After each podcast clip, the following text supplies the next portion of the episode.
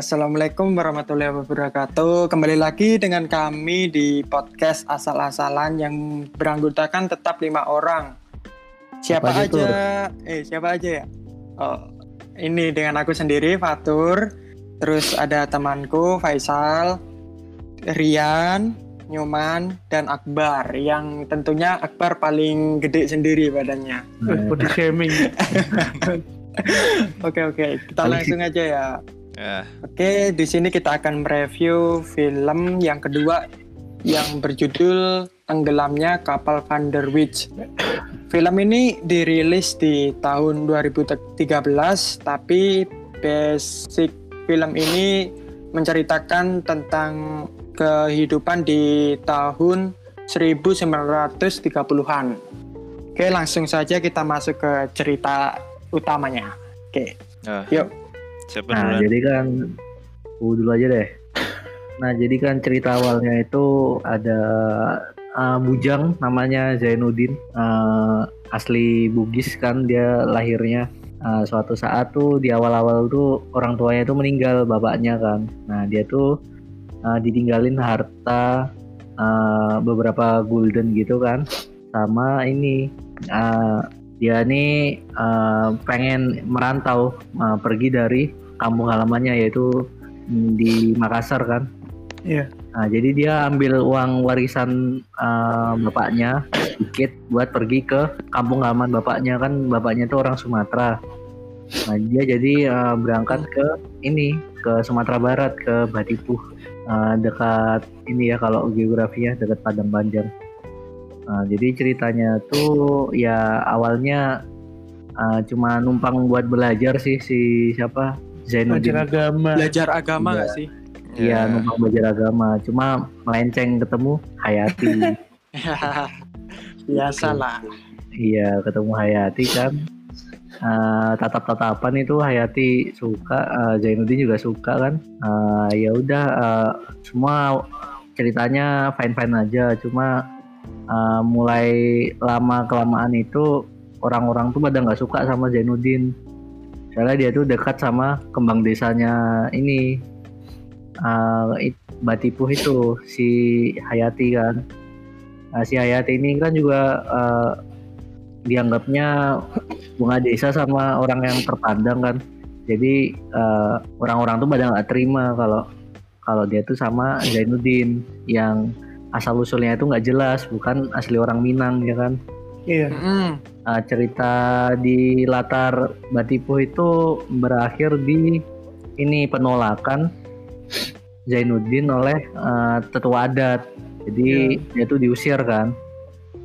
Nah sebelum diusir dia tuh Baik. uh, buat janji ik- buat janji Sama Hayati. janji sama Hayati iya kalau terus apa kalau misalnya dia nggak dia emang nggak diterima di sini ya dia bakalan cari cara lah biar bisa uh, bareng sama Zainuddin gitulah pokoknya janjinya kayak gitu kan terus uh, uh, karena dia diusir uh, akhirnya Zainuddin tuh pindah ke ini ada guru agama yang uh, terpercaya katanya si siapa keluarganya yang di sini uh, kata niniaknya itu kan katanya kalau mau belajar di Padang Hmm. Panjang Iya, Oh iya, lebih Padang ini ya, Panjang. gurunya lebih apa sih? Iya kalau mau cari agama gitu. Hmm, di Padang Panjang.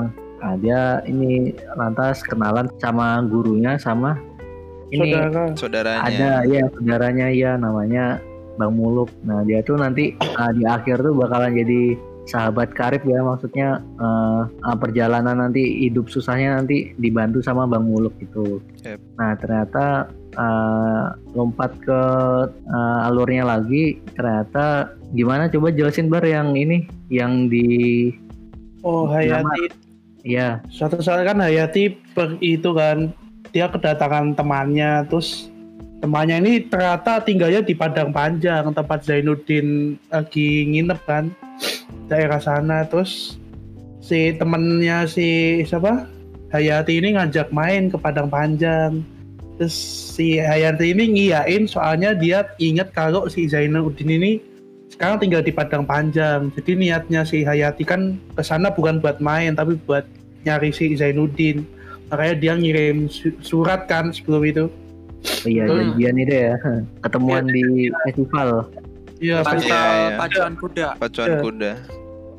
terus singkat cerita mereka ketemu lah di pasarnya itu tapi si Zainuddin kan kaget soalnya Hayati penampilannya kan udah berubah total kan dari yang tadinya alim jadi kayak modern karena ngikutin orang-orang itu kan.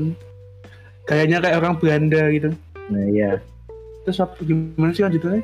Ah, di di situ di kediamannya Si- ah, temannya Hayati itu itu banyak ah, pengenalan karakter baru ya kan. Iya, ada Aziz. Hmm. Iya, dia ketemu sama si Aziz di situ ya. Itu kakaknya, ya temannya si. Hayati ini kan. Yang akhirnya dia ini toh siapa? Si Aziz ini makin ini toh apa sih? Suka sama Suka. Hayati gitu ya. Karena Karena habis lihat penampilannya iya. modern jadi cantik. habis lihat penampilannya yang modern itu. kayak juga kan si Aziz ini Iya. di cerita tuh juga backgroundnya ah, dijelasin juga sih kalau Aziz tuh ya orangnya tuh ah, 100 apa ah, berkebalikan sama Zainuddin Iya. ya Iya, suka iya. judi nah dia sahabatnya orang Belanda kan ya suka pokoknya suka judi terus ah, skeptis terhadap agama kayak gitu gitulah 180 derajat dari Zainuddin. Nah, Iya. kayak doang awalnya sih Nah ya Lanjut terus singkat cerita kan di- dia itu kan ngelamar. Jadi si Zainuddin sama si Aziz nih sama-sama ngelamar ke bapaknya Iya. Hayati. Dan akhirnya Cuma- ini musyawarah Cuma- itu Iya. warga warganya musyawarah terus yang diterima ternyata si Aziz Aziz. karena pertimbangannya itulah karena Aziz lebih kaya kan Terus Terus, ini iya. sama Aziz ini latar belakangnya jelas. Dia Iya. orang Minang asli. Iya nggak Iya. sih? Iya. Zainuddin bukan siapa-siapa kalau di situ kan betul cuma orang ya ah, setengah Minang tuh nggak diakui apalagi kalau ah, orang tuanya itu dari ayah itu nggak diakui. Kalau misalnya garisnya ibu diakui. Kayak gitu. Hmm. terus ya masalahnya ini kan dimulai dari sini ya. Karena apa sih? Yang nikah si Hayati sama Aziz dan di suratnya itu eh si Hayati ngirim surat ke Zainuddin ya, iya. Tentang pernikahannya. Dan dia bilang si Hayati bilangnya pernikahannya ini nggak dipaksakan. Kemauannya Nah, kan- sendiri. Padahal itu dia. Hayati ini ngelanggar Disuruh janji. kan? iya dia bohong kan dia terpaksa padahal Heeh. itu aja udah ngelanggar janjinya dia yang ik- ikrarnya dia waktu di perpisahan itu kan iya yang di awal-awal. itu. ya gimana itu baru sebentar aja janjinya udah ini Oh. gimana nggak sakit hati kan si Zainuddin nah, Iya. kena kena mentalnya Iya, Zainuddin kena dia mental dah. Iya, Udah, terus dia depresi sakit dia kan. berhari-hari. Iya. Dua bulan loh kena mental. Eh, gimana tuh udah udah sakit nih ketemu sama saingannya coba waktu ini kan Iya sih. Ya udah. Coba. iya. Terus dia akhirnya di apa nasihatin sama Bang Mul, terus dia bangkit, pergilah ke Batavia. Ya. Di sana dia ketemu sama lagi. ya temennya Bang Mul itu, terus dia akhirnya ngetik kan, bikin buku judulnya apa? ter Terus Terusir, Terusir. terusir. Iya, terusir. Dari sanalah mulai bukunya terkenal. Padahal ceritanya ya dia sama si Hayati, ya, kisah cinta Eh, Hayati. cuman sama Hayati. ini namanya disamarin. Namanya Dia- si reinisial. Heeh, Zainuddin itu diganti siapa? Zabir atau siapa sih? Iya. S S ini SZ Sorry itu itu bagian sensor tolong. Ya, saya tidak mau nilai saya bahaya. Hei, itu tadi Chan, Pak.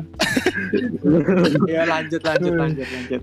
Lanjut sampai si Zainuddin ini dipanggil ke Surabaya.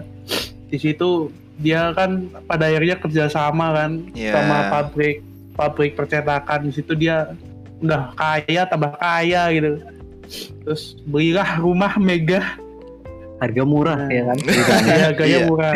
Iya. Iya, Karena sitaan bang. punya duit. murah, bener. Murah banget.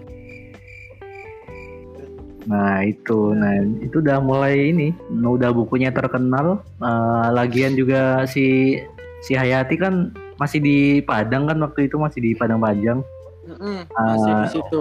ada cerita apa eh, lambat laun kan dia juga pindah ke Surabaya karena si ini si Aziz suaminya itu kan dipindahin ke Surabaya kerjanya. Nah itu mulai eh, karena si Zainuddin ini terkenal kan ya di eh, ikatan Sumatera gitu ya kayak ada Iya. kumpulannya gitu. kumpulan ini kumpulan Si Zainuddin ini ketemu sama Hayati dan Aziz itu gara-gara ini ada opera itu loh. Iya. Iya. nah, Opera terus diundang tuh ikatan apa nam ikatan apa yang diundang? Anak eh, Sumatera gitu lah kan. gitu lah, iya anak-anak Sumatera gitu. diundang toh terus ya udah pada dateng habis habis apa opera itu kan ada pesta tuh nah terus si apa Aziz sama si Hayat itu juga datang terus akhirnya mereka ngobrol deh ketemu salam salaman dan ya cerita cerita deh nggak cerita udah ganti hari gitu ternyata si Aziz ini bangkrut karena dia kebanyakan judi gitu nah Mau Nah, utang. terus Mm-mm. kebanyakan utang rumahnya disita terus nah si Zainuddin dengar berita itu terus Zainuddin niat ngebantu si Aziz terus dimanfaatin nggak sih pertamanya itu Eh, dari awal dari dari pesta itu Iya, sebenarnya dari eh, pesta si udah dimanfaatin. cari muka ya cari muka biar ini biar apa kayak utangnya Dibantu. tuh dibantuin ya terus soalnya ini kan sahabat gitu kan Zainuddinnya nggak bisa nolak soalnya kan ya kata sesama orang Sumatera tuh saling bantu gitu kan. Hmm. sampai dia tuh eh, dibantuin gitu kan Eh, awalnya kan dia dibantunya lewat, lewat ini ya pinjaman uang kan nah waktu rumahnya disita nih karena nggak bisa bayar si Aziz dia terpaksa tinggal ke ke rumah ini ke rumahnya Saifuddin. si eh, Zaifuddin. Waduh. Eh, Zainuddin. waduh ini siapa bar Waduh. itu siapa bar Tipu, tipu, tipu. Tikat, tikat, tikat. nah iya lanjut lanjut Nah, iya lanjut sudah Udah, udah, udah. sudah Lanjut, Nah, kita skip. Eh, jadi eh, titik balik apa kayak wataknya si Zainuddin tuh mulai dari sini waktu dia tuh akhirnya eh, mau nggak mau tinggal di rumahnya si Zainuddin kan eh, Aziznya itu karena dia udah nggak punya rumah lagi di eh, di Surabaya. Nah waktu eh, suatu saat dia tuh mau makan ternyata dia sakit. Mungkin sakitnya karena stres juga kan dia kan ngaruh gitu Iya. pembelajaran Sama dia Mungkin. mabok-mabokan juga. waktu momen itu dia sakit kan dia waktu itu nggak bangun-bangun ya katanya ya Iya. atau sakitnya lama gitu kan Ya Iya. lama lama. Ah, lama kan waktu dia udah agak siuman sama agak enakan dikit badannya dia tuh ini kayak Nitipin. udah mulai Ya. Hah? Nitipin Mulai tobat. Hayati itu. Iya. ah, dipin Hayati dia tuh mau mau pergi dia mau kerja tapi sama Zainuddinnya kan disuruh kamu pulang aja lah ke Sumatera kayak ah, kesehatan mentalmu tuh di dibenerin dulu biar nanti bisa kerja lagi gitu kan cuma nggak mau ya karena ini kan karena apa ya kayak prinsipnya orang Minang kan pantang pulang sebelum ini kan berada gitulah ya Iya. Nah itu dia nggak bisa pulang. Si siapa? Si Aziz nih tetap ngotot Ah, mau cari kerja aja deh kayak gitu kan. Nggak mau Ya. tinggal di di rumahnya siapa Zainuddin, gitu kan. Ya akhirnya ya mau nggak mau ah, si Zainuddinnya ah, ngiyain aja kan. Nah ini mulai apa?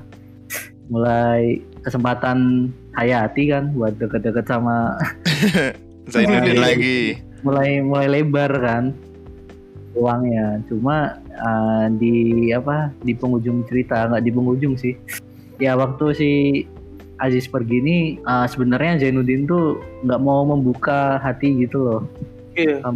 dia cuma anggap dia tuh uh, Hayati itu cuma istri sahabatnya Iya iya iya. benar-benar. Waktu Sampai- Hayat deketin kan dia kan si Zainuddin kan pernah ngomong kan pantang bagi pemuda memakan sisa makanya Iya. nah itu kan uh, nggak mau buka hati juga terus sampai uh, suatu momen uh, lambat laun kan si siapa si Aziz kirim surat nih Iya, ternyata suratnya isinya ini kan perceraian gitu. Dan ternyata Iya, dia iya, bunuh diri juga deh. Mati deh. juga. Kebanyakan minum obat jadi sembuh guys. Ya, iya malah, Iya. malah pulang kan Pulang jadi pulang ke beneran. pulangnya ke neraka ini. Jangan asal weh. Gak tahu loh ke neraka atau surga. Oh iya, Astagfirullah. siap, siap. Astagfirullahaladzim. ya udah kan nah ini ini mulai eh, konflik besar kayak klimaksnya gitu loh Eh, mulai apa kirim apa eh, suratnya itu kan dibaca ya sama Zainuddin Ya. sama sama Hayati nah coba jelasin deh Ya jadi eh, apa surat dari Aziz itu ya? Surat Iya. dari Aziz Iya. itu kan jelasin tentang kalau dia minta perceraian sama ini kan di- si Hayatinya itu disuruh balik lagi ke Zainuddin kalau dia masih mau gitu kan dibilang. iya Tapi ternyata si Zainuddinnya eh, udah sakit hati gitu loh. Dia mau balas dendam kan emang niatnya. Iya. Ya udah akhirnya malah di apa sih malah disakitin lah Hayati di situ kan. Suruh balik. Ya udah akhirnya si Zainuddin beliin tiket kapal apa kapal Belanda Van itu yang namanya Van der Wijk itu. Ya udah akhirnya si Hayati Hayati emang udah feeling kan dia udah mau apa dia bilang apa ngerasa kapalnya ini kayaknya bakal tenggelam gitu. Iya. Singkat cerita kapalnya tenggelam terus si Zainuddin akhirnya apa baca ini ya baca Syahadat. koran itu. Enggak baca Oh iya koran. baca koran. Iya, itu baca kapalnya Baca tenggelam. suratnya dulu nggak sih? Iya suratnya tuh dititipin sama si Bang Si Muluk kan Bang Bang Muluk. Iya. Iya. Iya, terus si Zainuddin baca, dia kayak tersentuh gitu kan. Si Hmm. Zainuddin. Baru pas dia mau jemput ternyata kapalnya tenggelam. Jadi jemputnya di akhirnya di mana? Rumah sakit. Rumah sakit Iya si Di- siapa? udah di Batavia itu kayaknya. Iya, si Hayatinya udah sekarat gitu toh. Jadi ya Iya. akhirnya si Zainuddin yang bacain dua kalimat syahadat itu dan udah meninggal. ya itu emosinya anu sih Iya. Agak Itu sih sedih sih di situ. emosinya di situ sih. Uh, dapat banget cuy. Ya, setelah itu kan si Zainuddin dia merasa rumah ini kebesaran kan, rumah mewahnya. Terus dia bikin yayasan apa panti asuhan ya. Sama ternyata makamnya si siapa? Hayati juga dekat situ kan. Iya di situ. Di situ malahan di, Di situ rumahnya itu. malahan di rumahnya. Dan panti asuhannya dinamain Panti Asuhan Hayati. Iya. Iya. And Seperti Sedih, itu sedih. guys. Iya. sedih sedih Ya udah, ya gitu sih. emang eh, cerita ini tuh emang sangat cocok buat Fatur ya emang. Percintaannya Emang Fatur ya. iya. Nggak tahu kenapa kayak cocok aja sama ceritanya Fatur. Aduh. Disakiti mulu. Ada beberapa kata sih ini. Intinya tuh dalam sebuah hubungan itu jangan berbohong lah. tuh Asia. Laki-laki atau perempuan itu jangan, Jangan sampai kita tuh. pasangan kita. Takutnya nanti malah ini kayak Zainuddin dia udah Salah. diberi harapan, habis itu dibohongin, jatuh. Diangkat ke langit, jatuhin ke bumi. Sakitnya ampun banget. tapi dari gini lantai tuh dua aja udah kayak ih nggak tau lah rasanya nggak pernah sampai deh apalagi Masalah ini gini. jatuh dari langit ke bumi sakit bah Udah tuh, gak usah curhat tuh. Podcast. ini, ini beda segmen. Kita bikin itu segmen kan? sendiri. Iya. Iya, itu iya. bohong tuh karena ini susah juga posisinya itu loh iya sih di satu posisi itu Zainuddin tuh uh, bukan orang yang ini ya bukan orang yang punya suku yang Minang gitu loh bukan Hmm. orang kaya juga Nah, di satu sisi juga Hayati itu juga orang yang harus dijagain banget sama Terkekang Iya. adat ya. iya sama adatnya nah itu kan ya uh, alasannya lebih lebih dari bohong itu loh lebih bukan alasan bohong juga cuma ya emang seberat itu loh iya Apa? sih emang, emang berat Kalau banget nah coba di review lah satu-satu Ya, review review dulu lah dari siapa? oke aku dulu aja lah Fatur. iya betul oke dari aku untuk film ini sih menarik banget ini dari per ini per plot itu macem-macem. Kadang sedih kadang seneng. Terus ya relate banget lah sama kehidupan tentang percintaan percintaan kayak gitulah. Terus ini apa ya ceritanya itu unik. Ten- mengangkat tentang budaya daerah Mi- Minang nggak sih itu Iya. Sumatera Barat Minang atau bukan sih? Iya Sumatera Barat.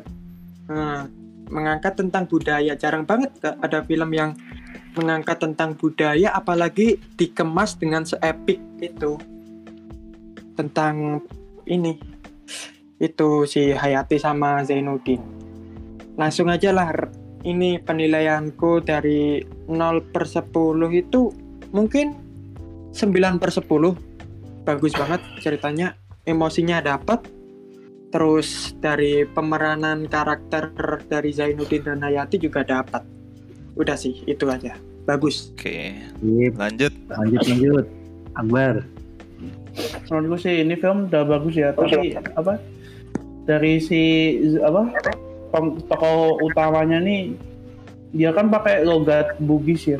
Logat Bugisnya tuh menurutku kurang natural aja gitu. Kayak terlalu dibuat terlalu dibuat-buatnya tuh kelihatan banget tuh Hmm, terus sama cerita dari yang pas bagian kapal pas di pas si Hayati naik kapalnya tuh terlalu singkat gitu oh iya sih Terlalu- singkat banget itu terlalu singkat sama tiba tiba kan ya langsung goyang-goyang aja kapalnya Iya. Nggak Iya, dijelasin ya. juga gimana jatuhnya. Iya, Tiba-tiba iya.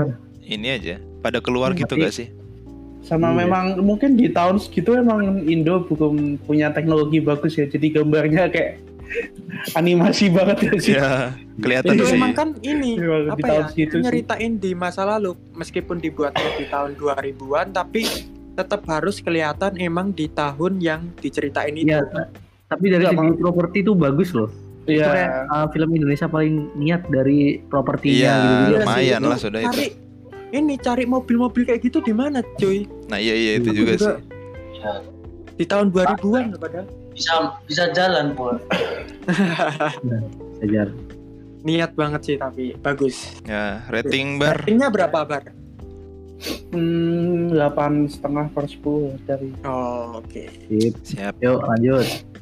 nambahin dari nambahin dari Akbar kan tadi katanya Zainuddin kurang menguasain apa namanya bahasa logat.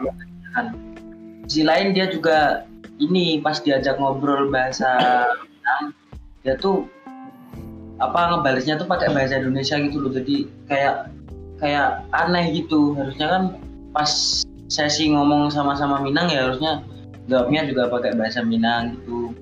Tapi si Zain ini malah pakai bahasa Indonesia. Terus Hmm, eh, film ini tuh banyak apa namanya nggak ketebaknya gitu loh. Pokoknya ada nuansa yang bikin menebak-nebak tapi ternyata tidak sesuai tebakan pokoknya penuh dengan misteri lah sama ini kan juga film yang dikait-kaitkan dengan budaya pasti juga nggak semua orang bakal ini tapi menurutku ini film untuk film yang disangkut pautkan dengan budaya ini udah cukup bagus apalagi apa namanya di tahun segitu film yang ini udah, udah memiliki kualitas yang sebagus itu tuh udah cukup bagus ya, rating rating dariku 8,5 per 10 juga Oke. Ya, Uh, abi- lanjut aku ya nggak habis ini aku dulu aja lah. Oh Sing- iya. Singkat aja aku. Soalnya ya paling komentarku cuma eh, apa bahasanya sih yang dia banyak banget pakai bahasa ini kan apa puitis gitu gak sih? Iya, banyak si Zainuddinnya banyak pakai bahasa- bahasa yang puitis dan udah sih kira-kira itu aja paling yang selain selebihnya udah disampaikan sama semuanya ratingku eh rating dari aku ya 8 per 10 lanjut Chan Hmm, Kalau aku sih uh, dimulai dari penulisnya dulu ya Bu Hamka di tahun berapa ya? Di tahun 1900-an tuh menurutku dia tuh udah bagus banget gitu loh bikin cerita. Itu kan dari novel ya, uh, Van der Wijk itu. iya Aku suka uh, apa ya bagus aja gitu kan kalau dijadiin uh, film ternyata bisa sebagus itu loh filmnya.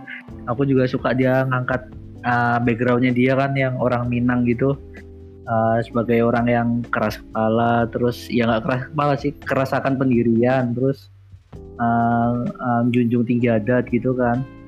Sebenarnya si Buya, Buya Hamka nih si penulisnya tuh kayaknya mau coba dia tuh ini kayak mau ngangkat uh, dari yang budaya keras gitu tuh apa sih buruknya tuh buat buat uh, orang lain gitu loh budaya lain tuh loh Iya. makanya dia bikin uh, tokoh utamanya tuh dari dari ini kan dari Bugis gitu loh apanya dari Makassar uh, backgroundnya aku sukanya itu terus uh, kalau dari segi budaya tuh uh, aku suka banget ya kayak dia tuh uh, mix and match uh, dari budaya uh, Minangkabau, uh, terus Belanda, terus mana lagi Batavia, sama Bugis gitu kan. Uh, menurutku banyak banget ya kayak budaya yang diangkat di ceritanya itu.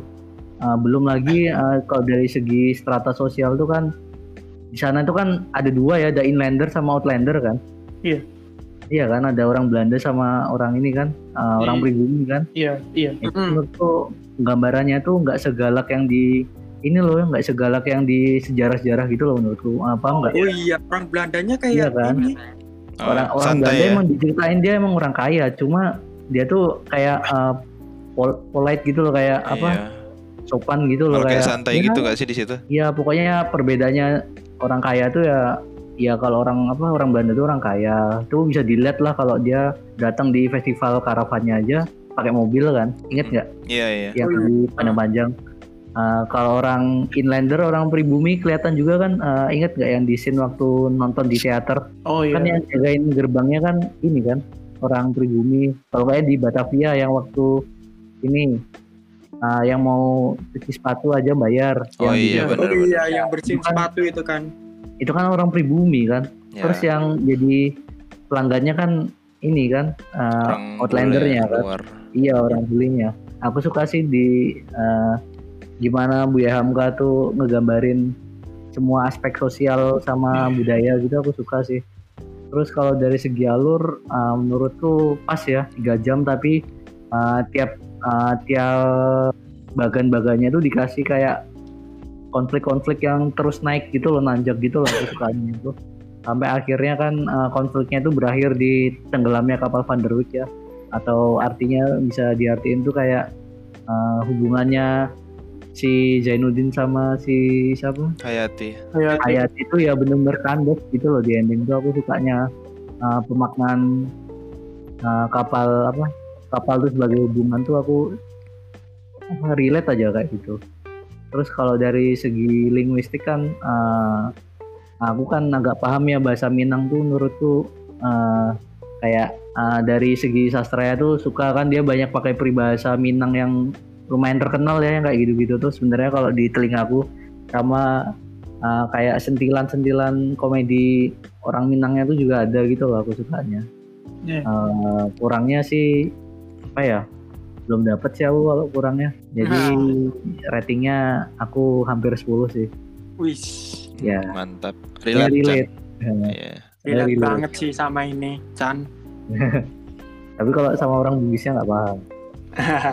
Oh iya kalau yang bahas yang Rian tadi ya yang apa kok uh, misalnya orang misalnya tinggalnya di Sumatera tapi mbak mm, balasnya pakai bahasa Indonesia itu sebenarnya itu terjadi juga sama aku gitu loh. Mau di Jawa mau di Sumatera. Iya sih banyak ya kayak gitu. kalau kalau ketemu aku kalau ketemu orang yang kayak uh, misalnya Jawa banget aku balasnya bahasa Indonesia gitu loh. Sedangkan di Padang juga kalau ada orang pakai bahasa Minang aku juga jawabnya bahasa Indonesia karena emang mungkin uh, kalau dari segi apa ya kalau dari segi film tuh buat memudahkan penonton buat buat mengerti filmnya gitu loh.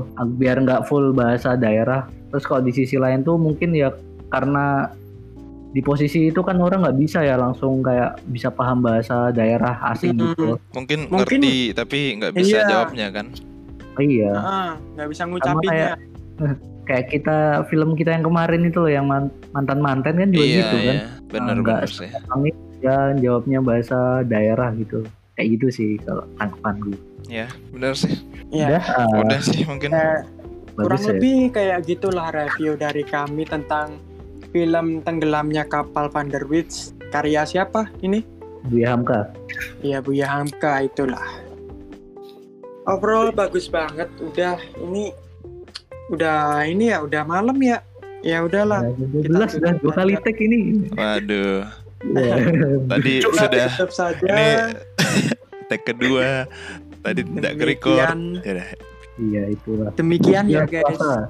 Wassalamualaikum warahmatullahi wabarakatuh. Waalaikumsalam warahmatullahi wabarakatuh. Nantikan podcast Bye. kita selanjutnya yang ketiga ya, podcast iya. asal-asalan.